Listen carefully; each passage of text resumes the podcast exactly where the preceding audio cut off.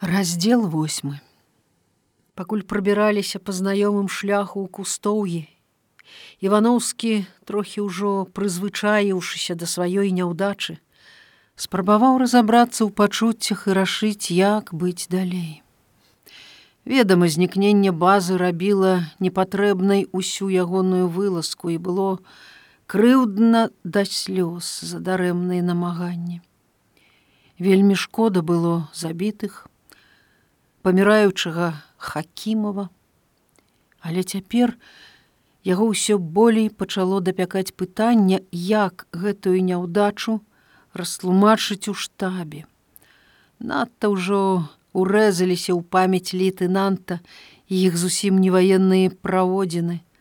Сардэчная генералава прамова ў двары дома з прыгожымі аканіцамі, сынкі. Вось табе і сынкі нікуды кімаруды і разгільдзяе. Пакуль збіраліся, пакуль блудзілі ўначы, пакуль спалі ў рове, база бясследна прапала. Агіднае становішча болей нічога не скажаш, думаў Івановскі і ўвесь час моршчыўся як ад зубнога болю.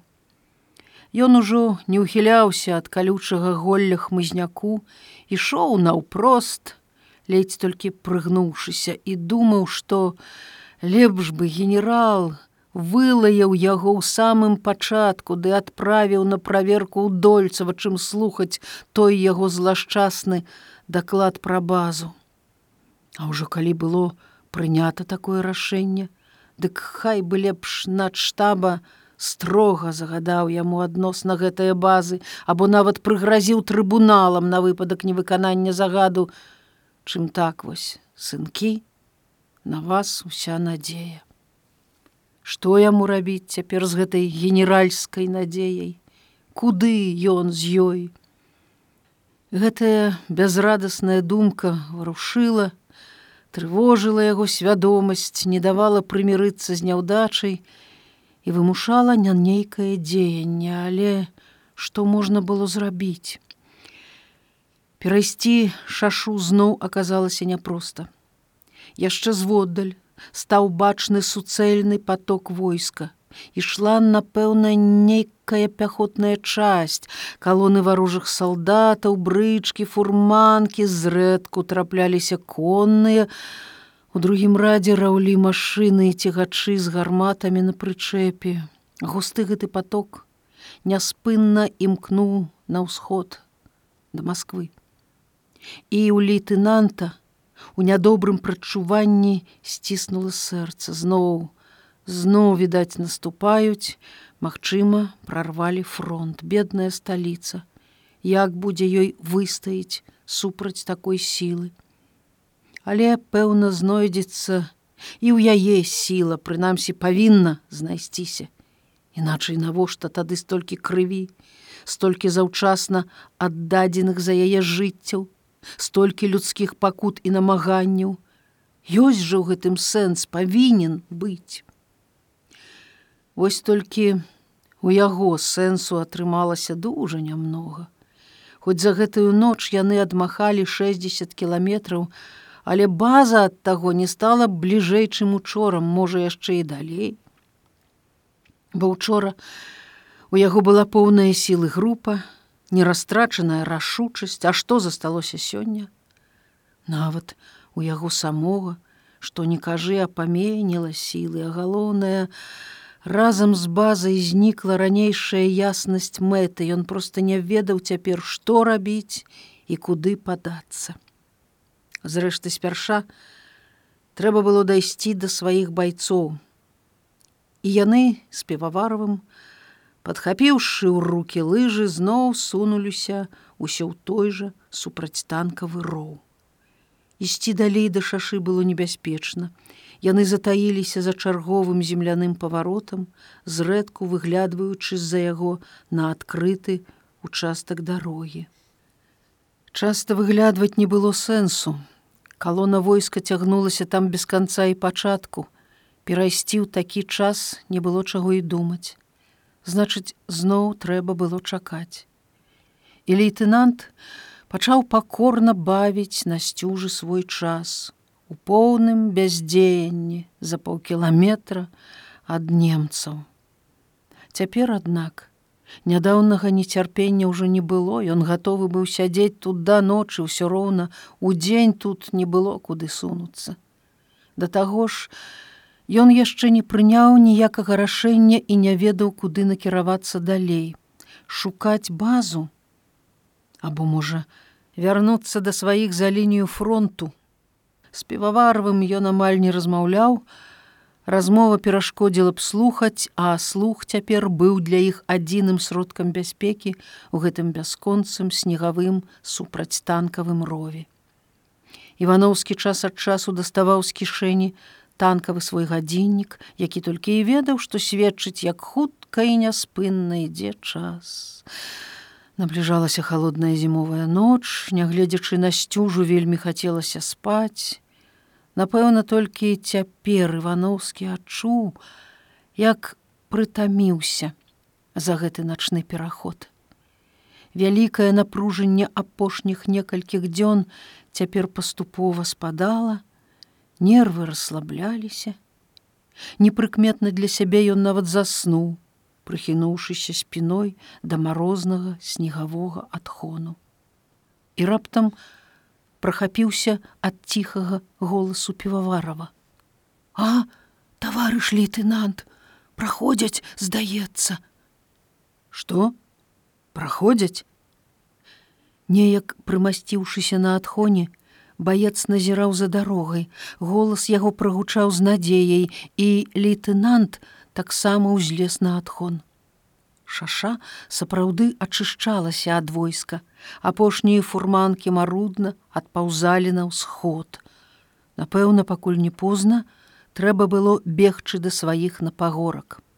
Яны падхапілі лыжы і трушком пабеглі па дне рова ступаючы ў глыбокія яшчэ незамеценыя снегам свае сляды Ім зноў пашанцавала. Яны ў самы час выбраліся на ўезджаную пустую дарогу і, перабегшы яе, зноў схаваліся ў рове. Пакуль беглі, добра ўгрэліся ў івановскага спацела спіна, а ў піваварова зноў густа заплыў потам твар па скронях і шчоках цяклі буйныя нібы стаярынавыя кроплі. Цяжка дыхаючы, баец сціраў іх рукавом маск халата, але нідзе не адстаў, не замарудзіў.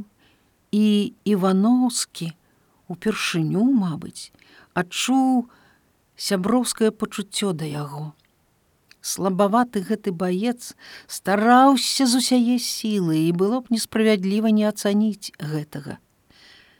На пагорку за першым паваротам рова Івановскі прыцішыў крок і некалькі разоў з палёгкаю выдыхнуў гарачую парай. Здаецца, зноў перайшлі. Аднекуль зводдаль зноў даляцеў вуркат дызеляў, але гэта яго не палохала. Яго думкі ўжо беглі наперад туды, дзе іх чакалі байцы, і першай трывогай лейтенанта было як там хакімаў. Вядома, неразумна было б чакаць, што той ачнецца і ўстане на ногі, але ўсё ж, а раптам ён памёр. Чамусьці падумалася аб тым без спалоху, нават без жалю, хутчэй наадварот з надзеяй. Як бы ўсё аказалася прасцей, калі б гэтых хакімаў памёр, як бы ён дапамог групе. Але, мабыць, гэта не залежала ад ягонай волі і іхняй патрэбы. Дзесь зусім блізка ў рове былі яго байцы, І лейтенант прыслухаўся, здалося, ён злавіў знаёмы разважлівы голас, гэта яго здзівіла. Лейтенант прыспешана выйшаў з-за павароткі і тварам у твар сутыкнуўся з дзюбіным.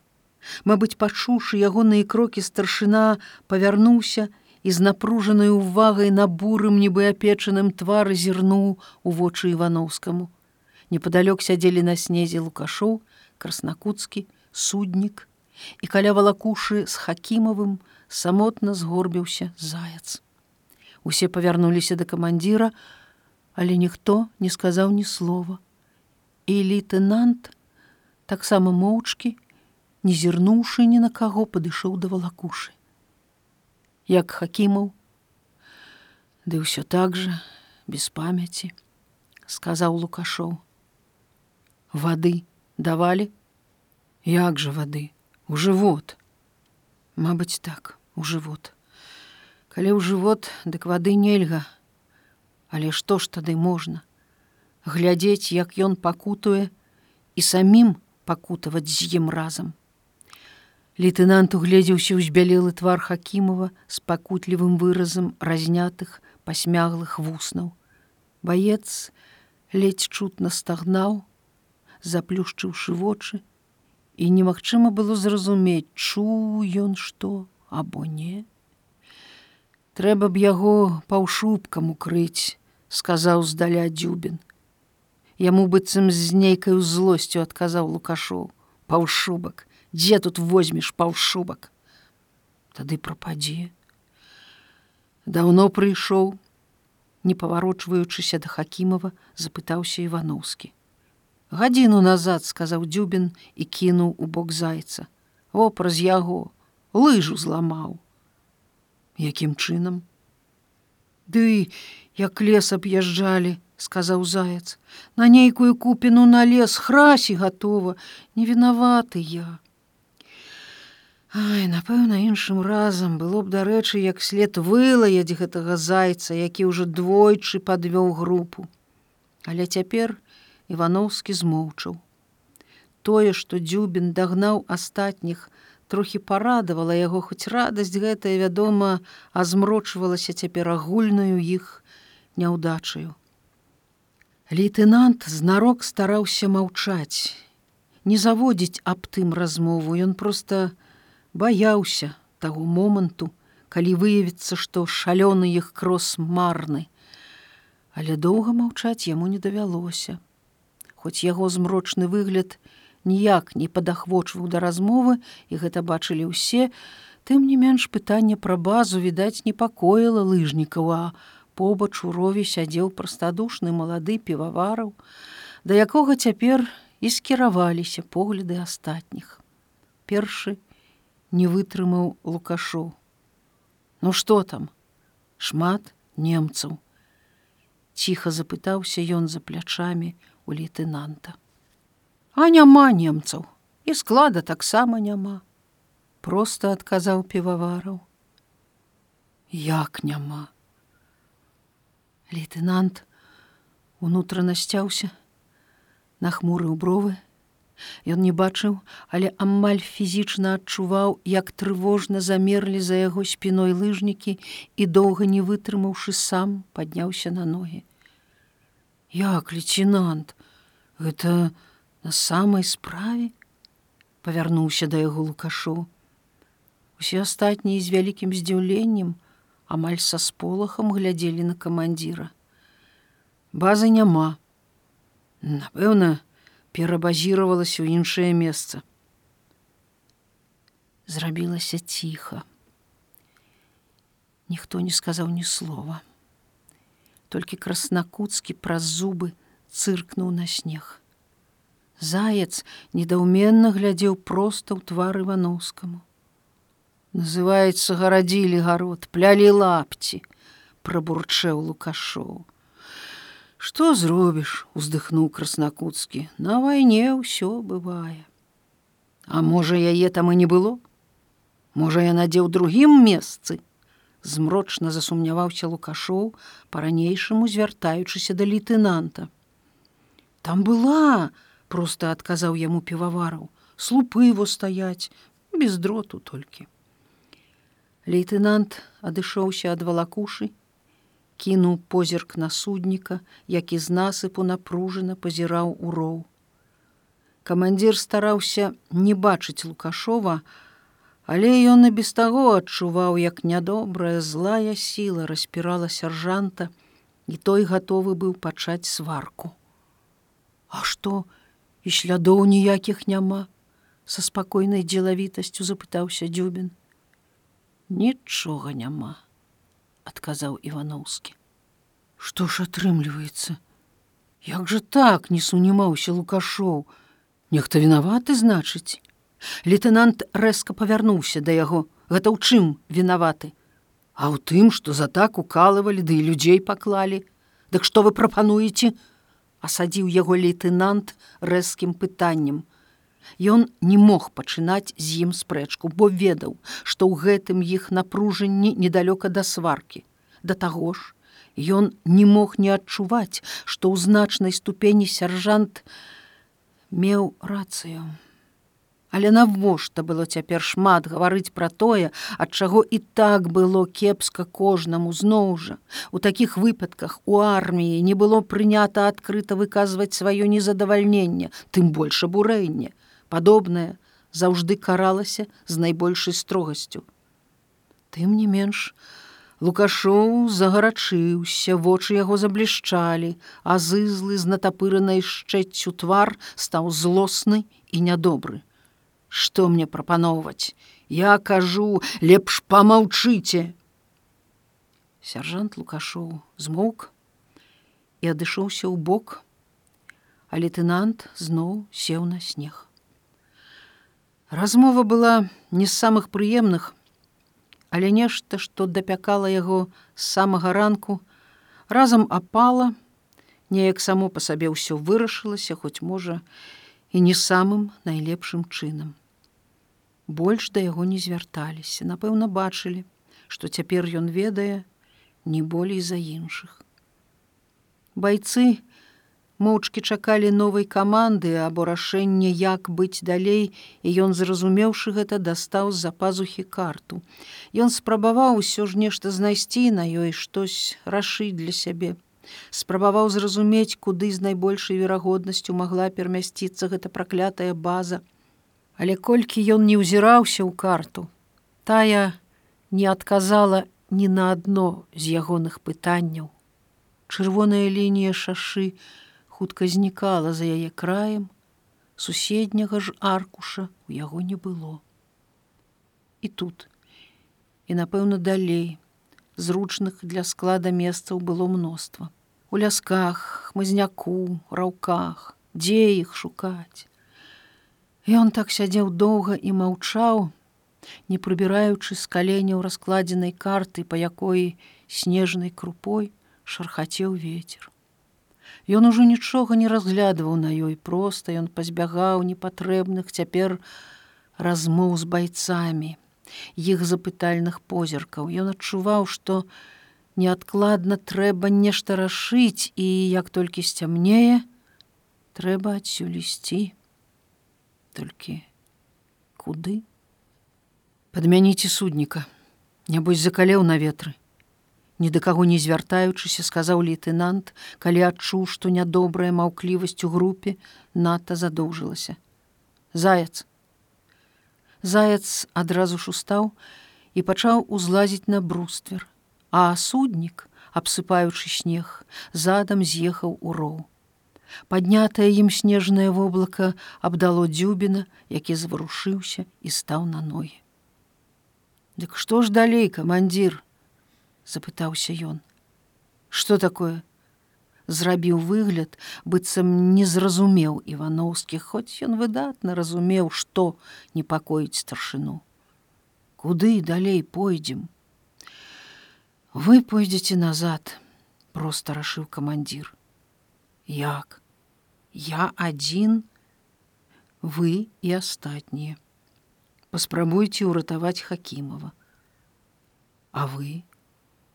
Я? Я паспрабую знайсці базу. Адзін? Гэтае пытанне старшыны.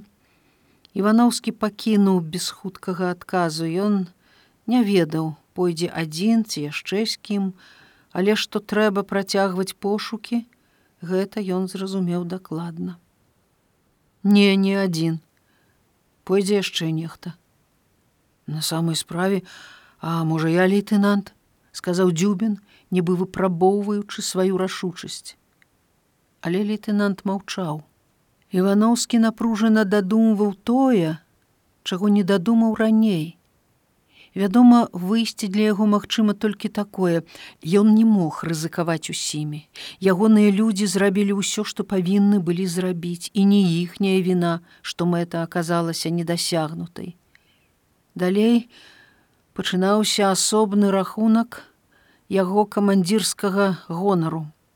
Амаль асабісты яго паядынак з нямецкай хітрасцю, і байцы да гэтага адзінаборства не мелі адносін. З гэтага часу ён пачне дзейнічаць на свой страх і ўласную рызыку, астатнія павінны вярнуцца за лінію фронту. Лейтенант узняў вочы ад карты і зірнуў на дзюбіна. Парэзаны заўчаснымі зморшчынамі, цёмны адсцюжы твар старшыны быў спакойны, погляд з-пад маленькага казырка чырвоназорнай будзёнаўкі спакойна, без патрабавальнасці чакаў чагось і нібыта гаварыў цяпер: возьмеш добра, а не возьмеш, таксама напрошвацца не стану. І лейтенанту амаль захацелася ўзяць з сабой старшыну, напэўна, лепшага напарніка тут знайсці было немагчыма, Але тады старшым над групай ён павінен назначыць лукашова, а ён чамусьці не хацеў гэтага. Лукашова ён трохі ўведаў ужо ў гэтай дарозе і ў душы камандзіра з'явілася ўстойлівая непрыязнь да яго. Значыць, з групай павінен застацца дзюбін. Іх вельмі мала вярталася назад, і ім быў давераны трудны хакімаў, Іх новы шлях наўрад ці будзе лягчэйшы за іх дарогу сюды.